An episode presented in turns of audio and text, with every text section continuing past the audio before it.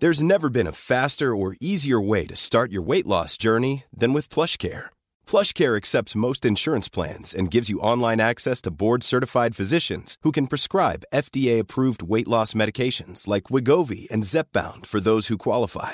Take charge of your health and speak with a board-certified physician about a weight loss plan that's right for you. Get started today at plushcare.com slash weight loss. That's plushcare.com slash weight loss. plushcare.com slash weight loss. Hey, Dave. Yeah, Randy. Since we founded Bombus, we've always said our socks, underwear, and T-shirts are super soft. Any new ideas? Maybe sublimely soft. Or disgustingly cozy. Wait, what? I got it. Bombus. Absurdly comfortable essentials for yourself and for those facing homelessness. Because one purchased equals one donated. Wow, did we just write an ad? Yes. Bombas. Big comfort for everyone. Go to bombas.com slash ACAST and use code ACAST for 20% off your first purchase.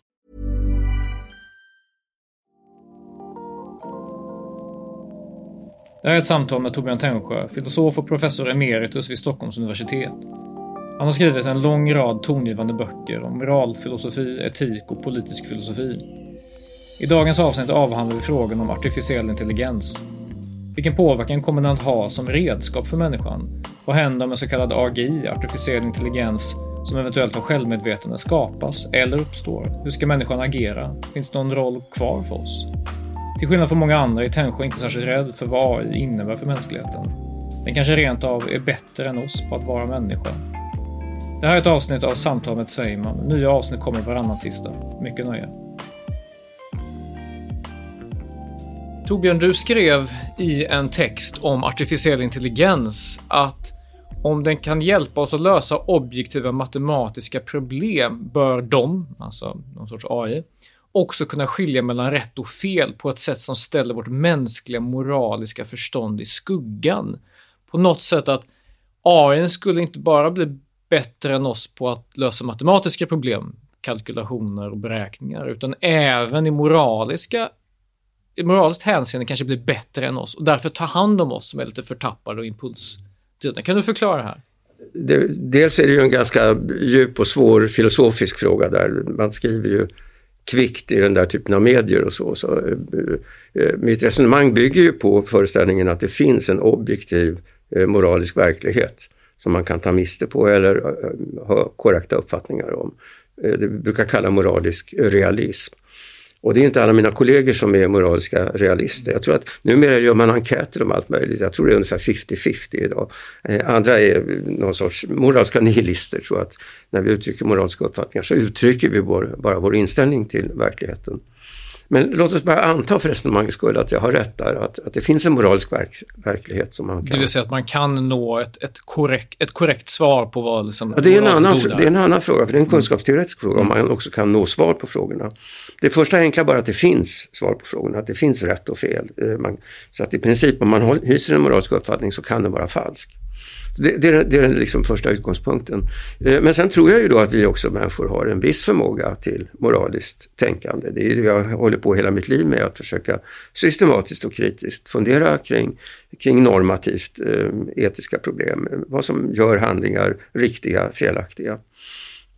Låt oss anta att det finns så att säga, en sån verklighet, att det finns redan hos människorna en viss kapacitet för att också bilda sig någorlunda välgrundade uppfattningar eh, om moral. Men, men, ofta tar vi säkert miste också, så det vi säger är riktigt är i själva verket moraliskt oriktigt. Eh, om vi nu föreställer oss den här, moral, den här artificiella intelligensen Eh, Eh, vi får väl extrapolera lite tror jag, men, men det går ju väldigt snabbt med utvecklingen där. Man skulle kunna tänka sig att de också börjar lösa på allvar eh, matematiska, logiska problem. Ja, mycket har de redan gjort på det området och framförallt när det gäller mekanisk bevisföring och så, så är de ju bra på det där, bättre än, än vad människor är i vissa fall. Så vissa bevis använder man maskiner för att nå fram till. Men jag antar att de också kan finna så att säga nya spännande matematiska göra genombrott i den matematiska forskningen. Ja, då utifrån den här idén om, om den moraliska realismen så borde de också kunna, tycka jag, göra eh, välgrundade moraliska bedömningar. Och kanske och alltså bli bättre än vi på det. Och, vi har ju en ganska dålig track record eh, när det gäller vår moral, vårt moraliska beteende under den tid vi funnits som art. ibland har vi presterat väl och under välartade sociala omständigheter så kan vi vara någorlunda hyggliga mot varandra men vi har också gjort ohyggliga handlingar gentemot varandra när situationen har inbjudit till det. Eh, och överhuvudtaget så verkar vi famla rätt mycket i mörkret när det gäller vad som verkligen gör en riktig handling riktig och vad som gör en oriktig handling oriktig. Eh, så ja, man skulle kunna tänka sig genombrott även på moralens område och då skulle man ju också önska att de eh, också hade någon sorts benägenhet att göra det de ansåg var riktigt. Det är ännu ett steg som måste till. Eh, alltså någon sorts internalism här, att mellan det man tror är riktigt är man också beredd, motiverad att också realisera. Ja, då skulle de kunna bli eh, lösningen på vårt mänskliga eländiga predikament.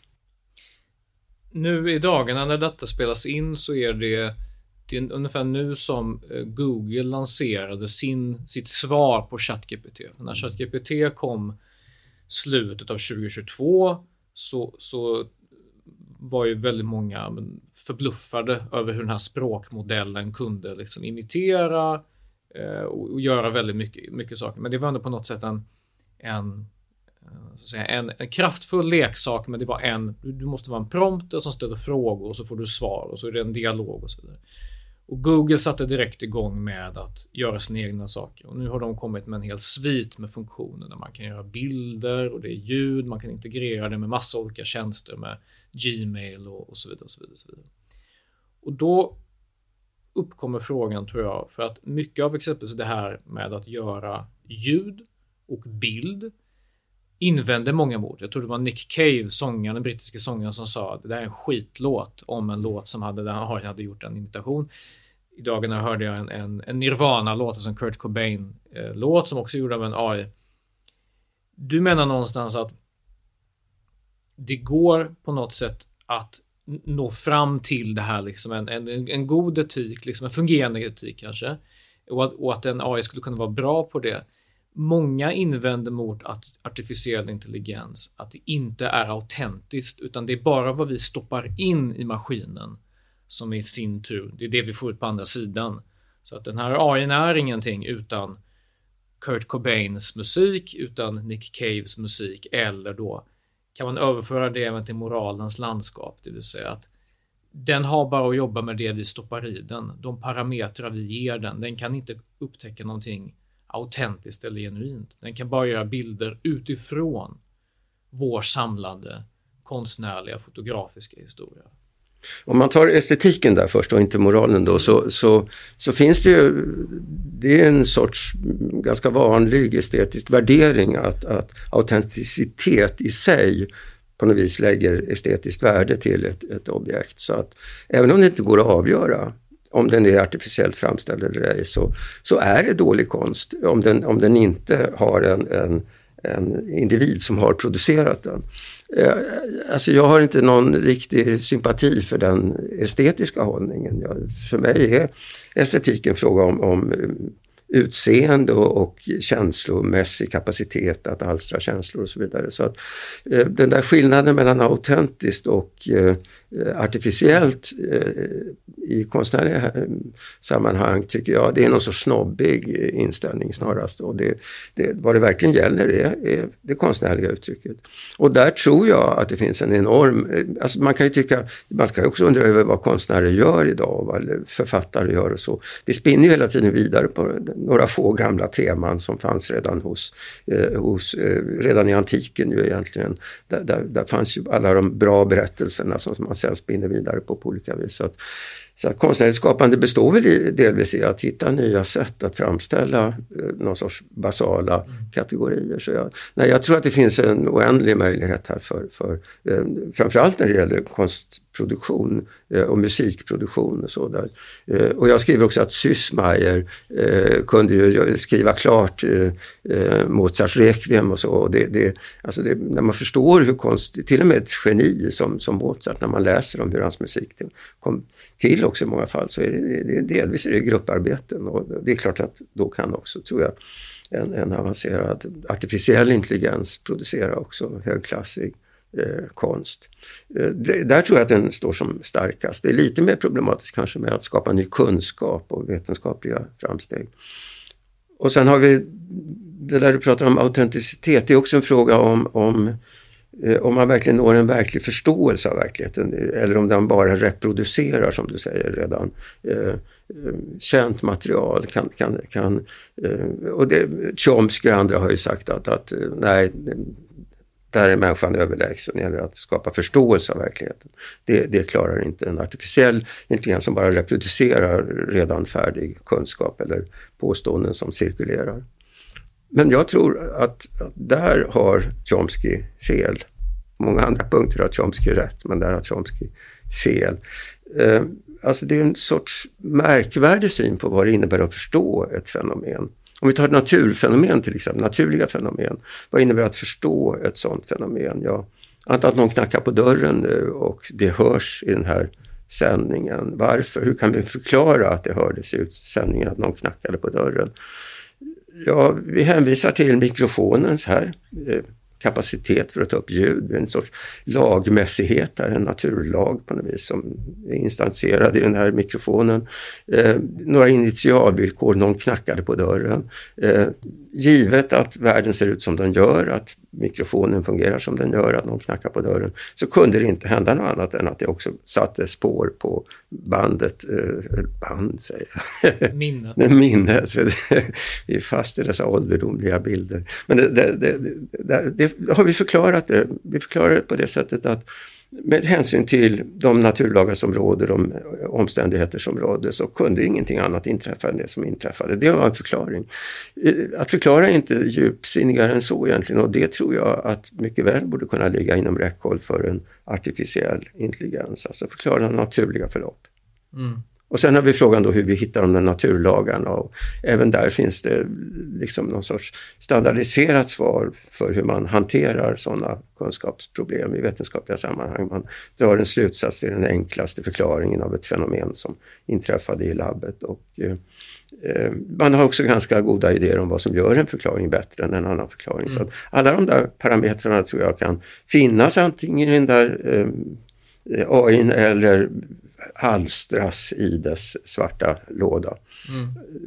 Så att förstå naturliga fenomen, det betyder att vi kan förklara dem. Jag tror att de kan förklara dem. Ehm, det är klart, då skulle någon säga att ja, men det är en annan femma när vi ska förstå mänskligt handlande eller så, för där eh, verkar vi förutsätta någon sorts inlevelseprocess. Det är också en fråga om att, att förstå genom att förklara. Ehm, jag ser nu att du tar upp din flaska och dricker hur kan jag förstå vad du gör nu? Jag, jag antar att du var törstig eller kanske lite nervös och behövde liksom ha vatten på tungan mm. eller så.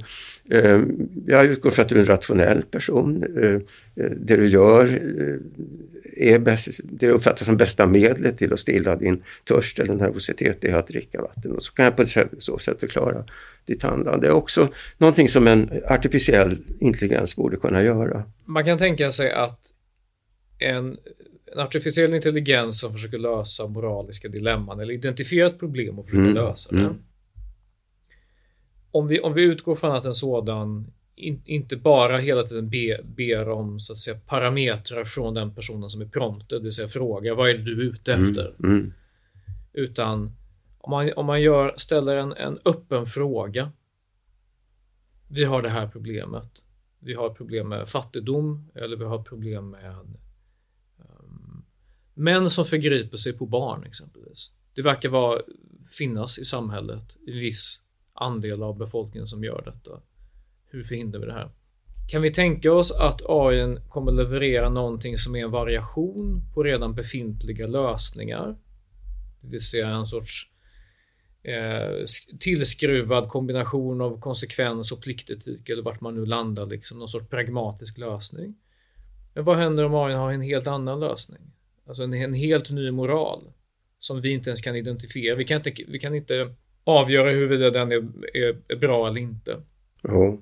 Alltså det är där jag väl antyder att man måste ha lite tur helt enkelt. Att den, att den är välvillig. Vi har inte ens kommit in på frågan om medvetande Nej. ännu och eh, låt oss anta att den ändå är medveten, denna artificiella intelligens också. Så att den också har i någon sorts subjektiv bemärkelse eh, Eh, avsikter och önskningar om hur världen ska se ut. Och då är vi liksom i klorna på den på ett sätt kan man säga. För att även om den kan göra bra moraliska bedömningar så måste den ju också vara intresserad av att göra det som är rätt och undvika det som är orätt. Ehm, vi behöver alla de bitarna på plats för att kunna känna oss någorlunda trygga i att då överlämna oss så att säga till denna eh, högre varelser. Och, eh, alltså, det handlar väl inte så, egentligen så mycket om att försöka förstå eller att, att, att försöka inordna sig utan mer att träda tillbaka då skulle jag säga. Alltså då, då, då, är, då är det väl bättre att eh, de där varelserna tar över på något vis eh, och men för, länge hade vi först, eller jag, de kretsar där jag umgicks hade man ju tankar om att man med någon sorts genmodifiering borde förbättra den mänskliga naturen. Också den moraliska naturen. Alltså Julian Savulescu och Ingmar Persson, min tidigare kollega i Göteborg, eh, har ju skrivit en bok på det här temat om hur man av moraliska skäl måste förändra människan därför att vi har återigen sån dålig track record. Så att det, men det där det verkar egentligen rätt omöjligt tror jag. Det, det, det, går inte att med genmodifikation eh, göra en bättre människa. Det är för svåra avvägningar. Vi, vi kan inte bara satsa på empati till exempel, då blir vi xenofoba. Vi, kan, vi måste ha en viss beredskap att frysa ut de där som försöker lura oss. Och att hitta den rätta mixen där verkar kört. Men, men har vi en överlägsen AI, generell AI, med ett rikt känsloliv, med en kapacitet för att vara lycklig, ha små anspråk på naturliga resurser kanske, så vi kan ha väldigt många av dem. Ja, då är jag beredd att, att träda tillbaka. Då, då, då, då säger jag att det, det, är bättre att de tar över från och med nu. Men tror du inte att det finns en helt central beståndsdel i, i, i att vad det är att vara en, en, en medveten moralisk varelse? Att ha en biologisk ändlighet. Vi, vi bär ju inte bara, även vi rationella varelser, för, i, i den bästa av världar, eller för att vi har kapacitet att vara rationella i alla fall, så bär vi på eh, miljoner av generationer före oss, deras på något sätt latenta genetiska kunskap som utgör liksom hela vår värld. Vi bygger på det. Och här är en varelse som inte har den historien. Dess enda historia är att den har en skapare. Den skaparen i sin tur har en biologisk historia. Ja, kanske långt tillbaka. För de kan skapa sig själva i många led naturligtvis, också dessa överlägsna tänkande. Så, så, så, så, kan det förstås vara, men här verkar det som att, som att vi närmar oss ja. det här. Hur, Nej, men, eh, påverkar inte det jag, jag den här liksom... Alltså ändlighetstanken tror jag är ja. viktig för moraliska överväganden. Det är svårt att överhuvudtaget föreställa sig hur man ska hantera oändlighet liksom rent moraliskt om vi är intresserade av att maximera lyckan eller någonting sånt. Men ändliga får vi nog tänka oss att också dessa varelser är. Det, det, um, kanske en miljard år till. Eh, eh, sen har solen nått en sån eh, värme så inget liv är möjligt här i vart fall. Till sist så kommer också solen att bli en, en vit dvärg eller en, en, ja, någon form av avslutning där, där allting kollapsar. Så att, så att även dessa långsiktigt tänkande, moraliskt kloka individer för vi får tänka oss dem nu som individer. Eller då, den kanske, eh, de. Eh, eh, det? Jobbar, också, det, jobbar i, i någon sorts ändligt perspektiv. Ett ändligt perspektiv där, ja, okej, okay, det, det, det, är rimligt. Det är rimligt mm. att tro att det finns även en ändlighet för en, en självmedveten generell artificiell mm. intelligens. Men jämför det, om man ska låna hur en del andra forskare har, har, har tänkt kring AI, att om den ändligheten är på skalan en miljard år, din och min ändlighet sträcker sig upp till hundra år. Mm. Om ens det, i, om vi har tur. Mm. Um, inte det lite grann som en del andra forskare då har talat om att det är som en, en människa som förhåller sig till en myra eller till en fluga. Vi lever i, kan leva upp i 80-90 år, en fluga lever i en vecka. Liksom. Är det inte så en AI kommer förhålla sig till oss som en, en, en mindre vetande, väldigt flyktig varelse utan någon egentlig signifikans.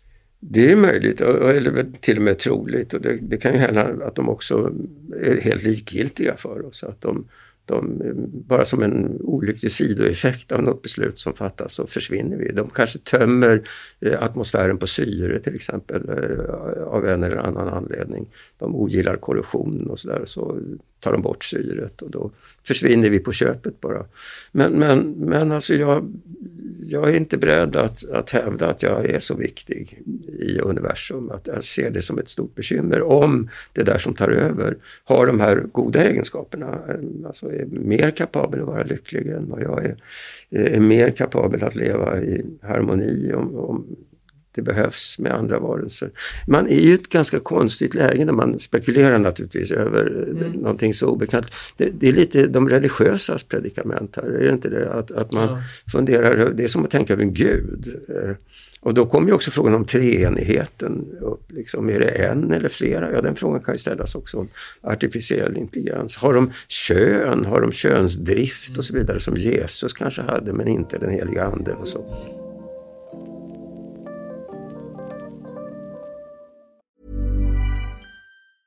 Det är Ryan Reynolds jag är här med Keith, co-star of my upcoming film If, only in theaters May 17th. Do you want to tell people the big news? All right, I'll do it. Sign up now and you'll get unlimited for $15 a month in six months of Paramount Plus Essential Plan on us. Mintmobile.com slash switch. Upfront payment of $45 equivalent to $15 per month. Unlimited over 40 gigabytes per month. Face lower speeds. Videos at 480p. Active Mint customers by 531.24 get six months of Paramount Plus Essential Plan. Auto renews after six months. Offer ends May 31st, 2024. Separate Paramount Plus registration required. Terms and conditions apply if rated PG. Hiring for your small business? If you're not looking for professionals on LinkedIn, you're looking in the wrong place. That's like looking for your car keys in a fish tank. LinkedIn helps you hire professionals you can't find anywhere else, even those who aren't actively searching for a new job but might be open to the perfect role. In a given month, over 70% of LinkedIn users don't even visit other leading job sites. So start looking in the right place. With LinkedIn, you can hire professionals like a professional. Post your free job on linkedin.com slash people today. Many of us have those stubborn pounds that seem impossible to lose, no matter how good we eat or how hard we work out. My solution is PlushCare. PlushCare is a leading telehealth provider with doctors who are there for you day and night to partner with you in your weight loss journey. They can prescribe FDA-approved weight loss medications like Wagovi and Zepbound for those who qualify. Plus, they accept most insurance plans. To get started, visit plushcare.com slash weight loss. That's plushcare.com slash weight loss. Det, det finns ju en, en, ett, ett spann här mellan de som är, be, betraktar eh, eh AGI, alltså artificiell generell intelligens, mm. som ungefär en, en 5% risk att den, och nu vet jag hur de räknat fram det, om det bara är liksom en hypotetisk siffra, att ungefär 5% risk att om en sådan uppstår så kommer den utplåna oss. Antingen avsiktligt eller oavsiktligt, liksom. Eh, direkt eller indirekt.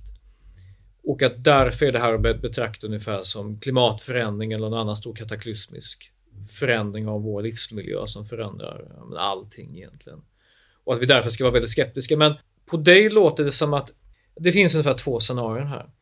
Antingen så kommer det komma till väldigt stor nytta och då kommer vi leva i ett, ett samhälle som är mycket mer produktivt. Vi har mycket mer tid för fritid, för att mycket är automatiserat och AI har hjälpt oss med både medicinska och industriella utmaningar. Och därför är vår värld bättre och lyckligare. Eh, eller så ersätter den oss på ett eller annat sätt. Antingen behåller oss lite grann som man skulle behålla husdjur. Mm. Eller kanske tömmer atmosfären för att vi bidrar till korrosionen. Liksom. Men då spelar det ingen roll för då är det redan någonting som är mer, som är bättre än vad vi är. Så att du verkar ju vara en optimist ändå. I, alltså, i, ett, I ett fält som i övrigt är mycket, många filosofer är antingen panikrädda eller oerhört positiva. Uh, det är lite olika frågeställningar. Man kan ju vara rädd för vissa ting och hoppas på andra ting. Och man kan vara hoppfull även om man är pessimist, eller hur? Man kan hoppas till och med på det omöjliga. Men, men, ehm, så jag, jag vill beskriva mig som hoppfull med avseende på den här långsiktiga, som jag tror att det är en mer långsiktig eh, framtidsscenario än vad det kanske framställs som idag. Det där att, att de tar över, att, att vi blir överflödiga eller Eh, att de skiter i oss helt och hållet eller att de kanske bara av ren vänlighet byter ut eh, oss mot sig själva för att vi får en bättre värld. Det, det är någonting jag hoppas på i det långa loppet. Men det, jag tror att det är ett ganska du långt på det, men vad, ja. Du hoppas på det för att det skulle göra Alltså jag, jag, är förvånad över att inte fler tänker så i just de kretsar där jag har rört mig. Mm. Som tänker långsiktigt, long termism och så vidare. Det, eh, futurologiskt tänkande personer. Att, att, att här har de en blottläggare av en sorts väldigt primitiv, tycker jag, art eh, vurm, alltså att den mänskliga arten skulle vara så viktig. Att vi pratar om vi, om, om generationer långt fram i tiden, förutsatt att de är, tillhör Homo sapiens. Men att vi inte talar om vi när det gäller intelligenta, eh, generella intelligenser i framtiden. Alltså det, det, bara den där föreställningen att, att den mänskliga arten är viktig, tycker jag att, och det brukar man ofta säga i andra sammanhang, att jämföra med sexism eller rasism eller, eller så, så. Men den mänskliga arten är inte viktig med det? Jag menar att den inte är viktig. Nej. Nej jag tror inga Vad är, är viktigt om inte den mänskliga det, det är lyckan, Det är lyckan som, som kan, vem, eh, kan realisera, vem som helst, den som kan bäst realisera den. Eh, för den bör världen eh, ligga fri.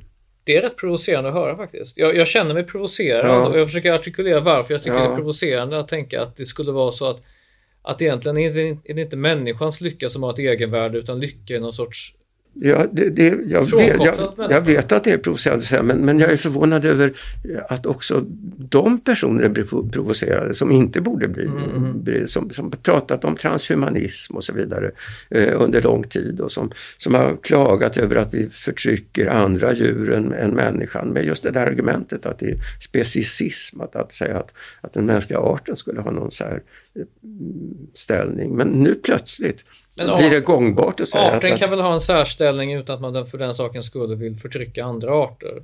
Den kan ha en särställning rent instrumentellt och så att ja. den kan vara nyttig på det sättet. Man kan tycka ja. visst, men, men, men, men att, att, att det på något vis är bättre att det finns varelser av den sorten än någon annan sort, allt annat lika. Det, det tycker jag bara är en, att jämstöra med rasism eller sexism. Men, men då, då, hur, hur förhåller du dig till, för att mitt intryck är ändå att du tror oavsett det kommer bli bra. Alltså antingen så kommer det skapa väldigt mycket nytta och, och, och lycka för planeten som helhet på grund av tekniska lösningar och, och så.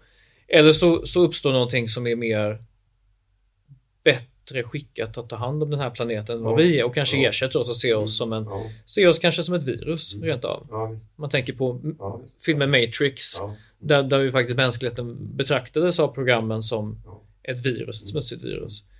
Vad men, tänker du om de som är, som är väldigt rädda för AI? Nej, men alltså, det finns ju någonting som jag är rädd för, mm. men det är egentligen mindre AI än, än världsutvecklingen just nu.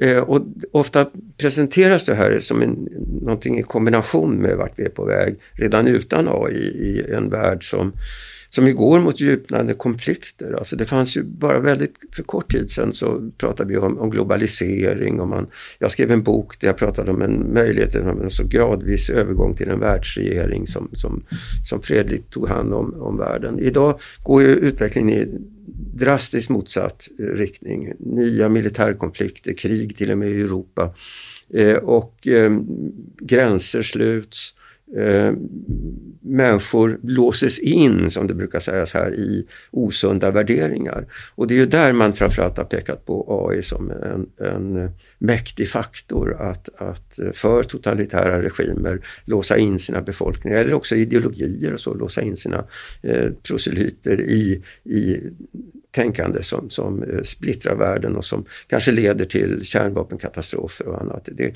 eh, och den, den, där, alltså jag känner stor oro för den världsutvecklingen idag. Och jag tror också förstås att AI kan vara ett medel, men jag tror inte det är så mäktigt som man idag föreställer sig. Jag kommer ibland att tänka på 50-talets snack om, om hjärntvätt liksom, som skulle kunna liksom totalt... Massmedial hjärntvätt. Ja, just det. Mm. Och det är någon sorts massmedial hjärntvätt man nu fruktar. Men, och jag tror att man, tenden, man har en tendens att överskatta effektiviteten i detta. Alltså det, eh, att, att artificiella intelligenser här skulle kunna göra så mycket bättre, det, det människor redan nu gör, liksom, som människor av kött och blod gör, det, det, det, har jag svårt att föreställa mig. Det är klart att det finns väl någon föreställning att vi bara drunknar i någon sorts eh, informationshav där vi, där vi inte kan skilja sant från falskt utifrån några som helst fasta variabler. Och, eh, allt är bara någon sorts medialt gungfly. Men, men eh, jag tror att vi har medel att, att upprätthålla liksom, vetenskap och akribi så att vi ändå kan skilja det ena från det andra att, i tillräckligt hög utsträckning för att vi ska eh, Eh, kunna stå emot om inte världsutvecklingen naturligtvis. Eh, och vi har klimatkrisen naturligtvis och så. Vi har många hotfulla eh, utvecklingstendenser i världen idag där, där det här kommer in som bara en, en komponent. Men, men nu framhävs av vissa, återigen av mina vänner i, i, bland transhumanister och andra, som den stora faran. Det, det, det, det är liksom den riktigt stora faran man pekar på. Inte det här långsiktiga utan bara helt enkelt att man kommer att låsa in människor i värderingar som, som kommer att bli ödesdigra för mänskligheten. Det kan hända tror jag, men kanske man överdriver där den roll som, som artificiell intelligens spelar.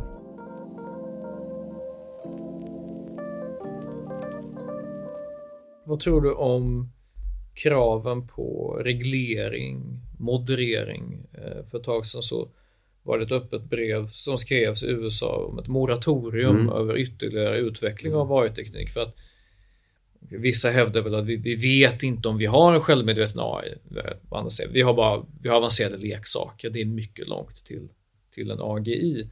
V vad tror du om reglering? Tror du det är önskvärt överhuvudtaget? Fyller det någon som helst funktion? Nej, jag, alltså jag var också erbjuden att skriva på det här uppropet men jag gjorde inte det. Jag, jag tror verkligen inte ett dugg på den möjligheten. Berätta. För det här har ju framförallt att göra tycker jag med det vi pratade om nyss, den här, den här polariseringen i världen, den här inlåsningen i, i, i, felaktiga värderingar och så. Och tanken att man genom någon sorts försiktighet i utvecklingen av tekniken skulle kunna gardera sig är, Eh, tror jag, helt dödsdömd. Det är så uppenbart att det finns, det finns nationer och företag som bara kommer att utnyttja de andras svaghet. Tänk på den kinesiska produktionen av artificiell intelligens, vilket försteg den skulle få om man stängde av eh, i väst och så vidare. Den typen av kapplöpning lever vi i idag. Kan man inte argumentera på samma sätt när det kommer till sig, marknadsekonomi? Varför reglera en marknad i ett land ifall de ändå kommer att avreglera och ha mer frihandel så Ja, det kan man väl.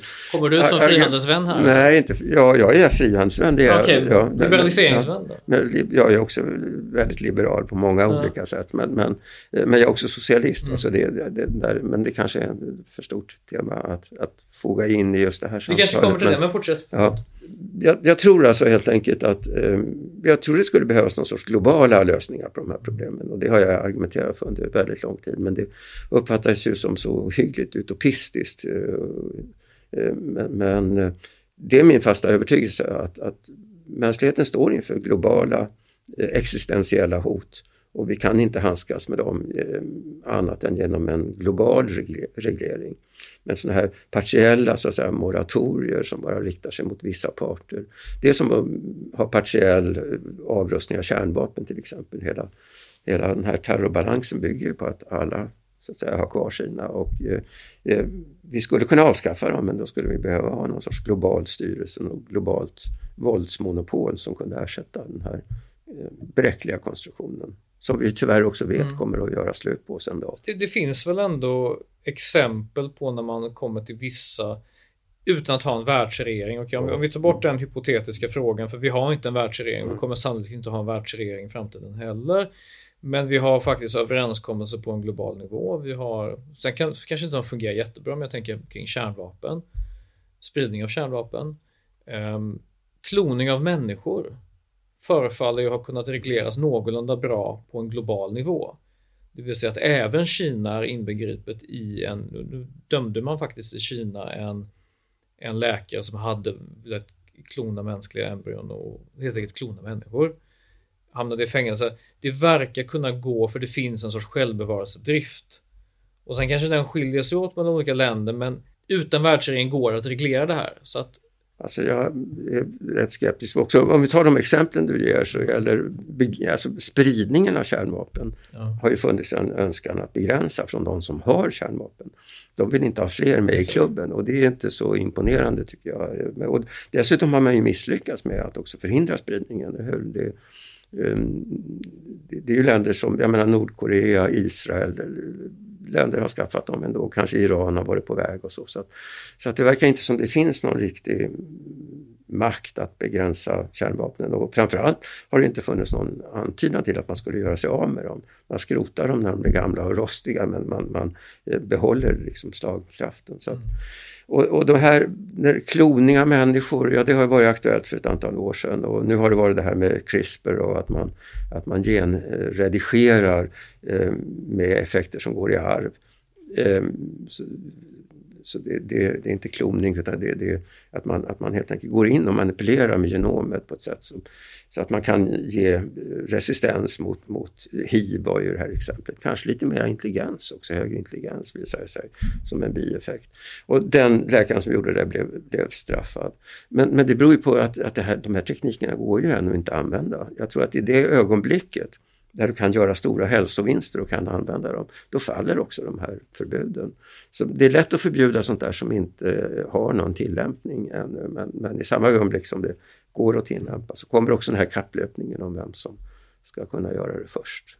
Så du tror egentligen att, att det här snacket om moratorier, regleringar och så, det, det är, det är ett oljud bara? För det kommer ja. inte hända och därför kan vi lika gärna så att säga finna oss i att nu kommer det ske någonting kring Ja, alltså det, det, är också en sorts avledningsmanöver som om det for, funnits liksom enklare lösningar än vad det faktiskt gör. Så att det, det, jag tror vi måste se mera eh, i vitögat så att säga den utveckling som, som vi står inför och inte låtsas att vi kan hantera den på sätt som vi inte kan. Hur, hur ska man hantera en sådan sak som att, det här är kanske inget nytt på ett sätt, men om det sker en jättestor produktivitetsvinst exempelvis. Um, jag tänker väl när boktryckarkonsten kom, då var det många som skrev av manuskript som plötsligt inte hade så mycket att göra längre. Mm. Liksom. Uh, det, sker så, det, det sker ju i varje generation sådana saker. Tänk en sån förändring som är helt otroligt stor och förändrar ja, men, kunskapsarbete, meningen med utbildning, med, meningen med specialiserad kunskap inom eh, allt från juridik till, jag vet inte, förvaltning. Hur påverkar det oss? Hur tror du vi bör anpassa oss till en sådan förändring? Eh, min idé där är nog egentligen att eh, i samma ögonblick som vi inte kan producera kunskap på ett överlägset sätt, då får vi nöja oss med en mer blygsam roll. Alltså att vi, är, vi är lite amatörer på det här området. Och vi, vi kan vara pedagoger, man kan vara lärare och så. Det, det, det kan, den typen av arbete kvarstår ju. vi vill ju lära oss det där kunskaps... Och men det är klart vi kommer väldigt mycket också ta hjälp av av artificiell intelligens för att utföra det rent pedagogiska arbetet. Men jag tror att det finns något i det personliga mötet där också som kan vara värdefullt. Så pedagogiska insatser kommer att kvarstå när, när vi inte kan göra vetenskapliga genombrott längre i, i akademin.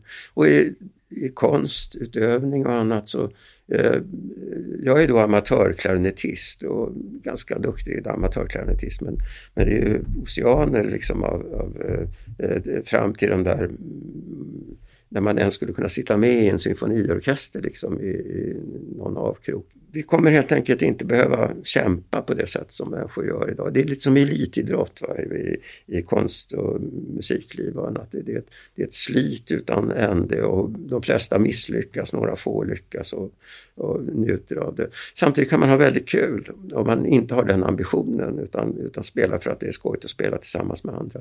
Så amatörismen tror jag kommer att få ett väldigt uppsving när, när man avskaffar det här eh, hårda slitet i, i, också i akademin och, och lite mer som amatöridrott gentemot elitidrotten som ju är förfärlig där, där människorna förstör sina kroppar, där nästan alla misslyckas och några få lyckas och de är ändå olyckliga får man en känsla när man tar del av hur de lever sina liv. Ja, det finns kanske en och annan Zlatan som, som kan ta livet med en klackspark men, men de flesta har ju mm. svårt att också vara lyckliga på den nivån. Jag tror vi kan få ett mer avspänt och eh, bättre liv. Mm. Eh, Så, men vi, ja. vi, slår av på en del högfärdiga pretensioner vi har också om det konstnärliga skapandet. Egentligen så ska man inte stressa sig av att massa, massa jurister och konstnärer och illustratörer kommer förlora sina jobb utan nu har de ju chansen att bli, leka, ta det lugnt. Ja visst, ja, visst. Men tror du att vi klarar av det? Tror, tror du, alltså jag vet, jag vet, inte hur det är med dig, men jag, jag, har rätt lätt för att, att förkovra mig i mina hobbys och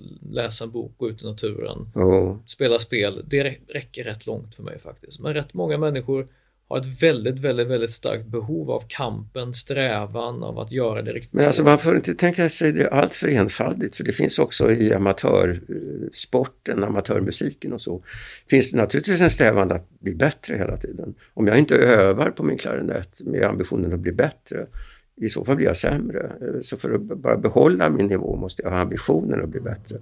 Och det finns ju också mycket eh, konkurrens och så. Eh, amatöridrotten är också uppbyggd liksom så att man tävlar mot varandra. Så.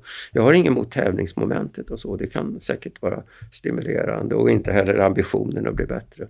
Men det är bara den där perfektionismen som, som när man ska bli bättre än alla andra och kämpa på den där höga nivån där, där man är dömd i stort sett att misslyckas om man inte har en otrolig tur i det mm. genetiska lotteriet som man råkar vara en av de där få lyckade mänskliga exemplaren.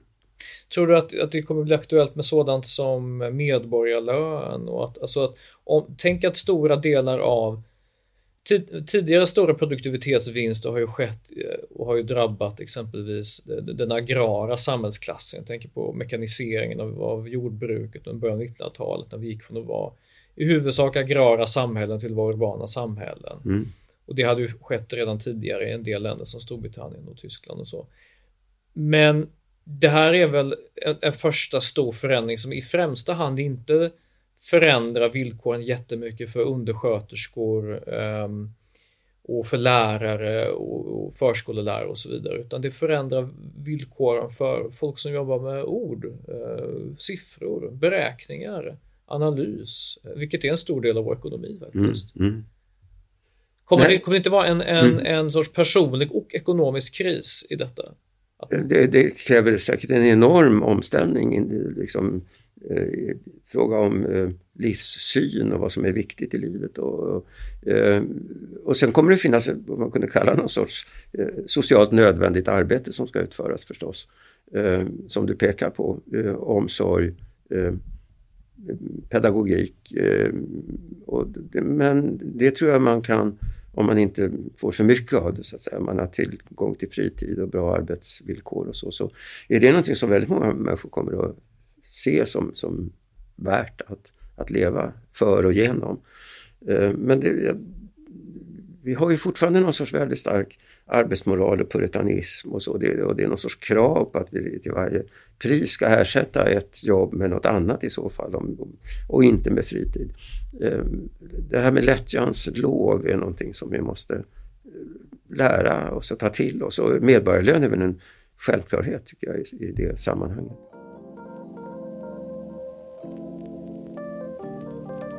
Om, om du ska gå bort från, från eh, teorierna lite grann och tänka dig vad tror du ungefär kommer vara utvecklingen den närmsta tiden? När, oavsett om vi når, om det, det blir en självmedveten AI, att mer och mer av våra liv kommer såklart, fler och fler sektorer kommer påverkas av artificiell intelligens. Jag tittar en hel del på hur media kommer förändras. Kommer, kommer, jag, tror, jag är rätt optimistisk där. Jag tror att det kommer underlätta för mycket researcharbete, presentationsarbete. Mm, ja. Jag tror att en hel del programmering kommer bli mycket, mycket, så att säga, du kommer behöva färre personer för att göra mer bra saker.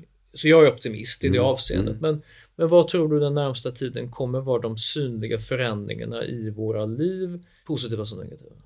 Eh, först och främst tror jag att det går mycket långsammare än man föreställer sig. Det, det, man hajpar liksom fenomen på det här sättet. Jag, jag har ju hållit på med bioetik och så. Jag, kring 1990 skrev jag böcker om reproduktionsetik och så. Och det, där gick jag igenom alla möjliga liksom, vidunderliga sätt man skulle kunna göra barn på i framtiden och så.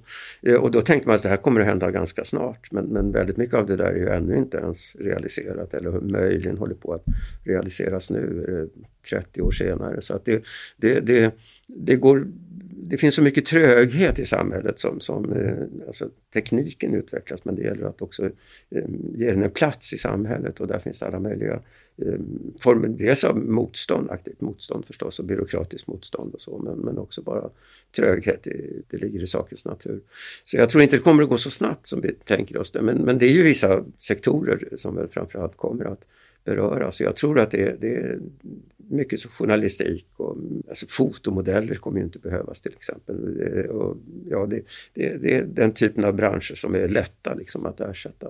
Eh, I medicin och så kommer naturligtvis väldigt mycket av diagnostiken att ske eh, i form av artificiell intelligens. Och här, finns, här ser jag ett problem för att läkarna kommer ju att tappa sin kompetens. Alltså man brukar säga att det är viktigt med en kombination av att man får en artificiell intelligensbedömning och en, en kompetent läkare som också överprövar så att säga, resultatet. Men vi var inne på det tidigare, det, snart så kommer inte läkaren vara kompetent att överpröva utan bli en staffagefigur som inte längre utvecklar heller sitt eget kunnande. Så där, där anar jag en diskrepans på ett sätt. Att mm. Man kommer inte riktigt veta, man kommer ha metoder för att bota sjukdomar men man vet inte riktigt vad man gör det, det, är en spännande sån skillnad som kommer uppkomma tror jag. Eh, men sen annars tror jag att det framförallt är det där att det kommer ändå att, att bli mera tid för, för lek och eh, ett gott liv som inte är baserat på, på den där perfektionistiska strävan som, som vi är indoktrinerade på något vis till att, att nu omfatta. Ja, det, är en, det är en glädje, en optimism. Torbjörn, tack så mycket för det här, det här samtalet. Tack för att du bjöd in mig.